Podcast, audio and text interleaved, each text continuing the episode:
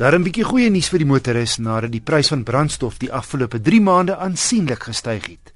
Woensdag daal petrol se prys met 73 sente per liter en dieselsin met 55 sent 'n liter. 'n Luisteraar Erik Nel vra raad.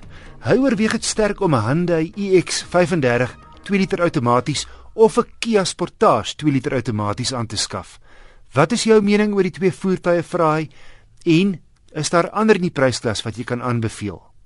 Erik, die Kia en Hyundai, albei rondom die 313 000 rand merk, is in wese dieselfde kar wat die engine onderstel en radkas aanbetref, want is een maatskappy. Vandaar dieselfde 2 liter kragbron, voorwielaandrywing en 'n 6-spoed outokas. Maar soos jy weet, verskil die bakwerk en binneruim om aan elkeen sy eie karakter te gee. Ek het albei se handrad weergawe al getoets en beskou albei as goeie waarde vir geldkarre. Kia en Hyundai staan bekend as die motormaatskappy wat die laaste twee dekades die meeste verbeter het in hulle verkope wêreldwyd en plaaslik reflekteer dit. Daar's egter heelwat kompetisie in hierdie sagte baard sportnuts prysklas te veel om op te noem vir al die nuwe Toyota RAV4 2 liter outo nou net so groot soos die Sportage en EX35 en trek ook met sy voorwiele is teen 290 000 rand baie meer dingend geprys en ek kan ook Nissan se Qashqai sterk aanbeveel. Luisteraars met motornavraag kan gerus aan my skryf. Die e-posadres is wissel@rsg.co.za. BMW se een reeks is deesdae ook in 3-deur modelle beskikbaar. Die 125i, hastig met 160 kW onder die regtervoet, is ook met 'n M Sport pakket beskikbaar wat die hantering aansienlik verbeter en die voorkoms begeerlik maak, maar hy klink maar flouerig. Bietjie van 'n teleurstelling met die aansluitslag. Nie daai lekker 6-silinder 3 liter van 'n vorige geslag wat so mooi grom en huil soos jy om deur die toere druk nie. Maar 'n 4-silinder 2 liter, darm turbo aangejaag. Hierdie waarskuwingssensors wat jy hoor voor en agter is een van die talle opsies wat hierdie toetsmodel se prys tot naby 'n half miljoen rand opdruk. Teenoor die standaard 125i 8-spoed outomaties se 356 000 rand. Die lys opsies op hierdie toetsmodel tel meer as 30.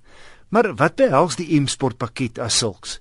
Wel behalwe die M-Sport logos en skorte op die bakwerk, is die remme, radkas en vering ook meer sportief gestel.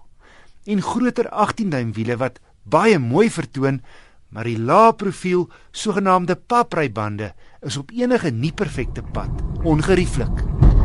Sjoe. Dit was 'n ongelykheid geweest. Jy stamp omtrent jou heus deur as daar 'n sloot of 'n slaggat in die pad is. So op ongelyke paaie ry maar hard. 160 kW en 310 Nm wat hom in die Golf GTI se verrigtingsklas plaas. Agterwielaandrywing en 'n 50-50 gewigsbalans dra by tot bobas hantering. Interessante van hierdie kar is hy 'n hele paar stellings. EcoPro is op brandstofbesparing ingestel en dan Comfort wat eintlik die normale stelling is. Maar dan kan jy opgaan na Sport en eintlik Sport Plus wat die veringstelsel en die radkas alles meer aggressief maak. En jou traksiebeheer word uh, tot 'n mate afgestel, maar daarom nog sodat jy nie die kar heeltemal gaan verloor as jy vinnig om 'n draai skiet nie. Jy sê kyk die ding klou hoor, daar het sy sterkte bietjie pad gegee, net genoeg vir groot pret sonder om 'n ou bang te maak. Hier is ook 'n sogenaamde stop-start funksie wat die voertuig afsluit wanneer jy by 'n verkeerslig stop. En so kan jy heelwat petrol spaar in 'n uh, stadsverkeer. Die 125i 3-deur M Sport is 'n tipiese BMW hoëgehalte produk met 'n groot skoot sportiwiteit, maar dis nie Duitsland nie en vir my werk die opsionele lae-profiel paprybande en sportvering nie op baie van ons land se paaie nie. Maar dalk raak ek oud en plaat dit en die minder praktiese 3D weergawe nie 'n jong professionele koper wat nie kinders het nie. Verder, die toetskar se ellelange opsielys het die prys met meer as 140 000 rand opgejaag. So wees maar selektief met die ekstras, so nie skiet die prys gou deur die plafon.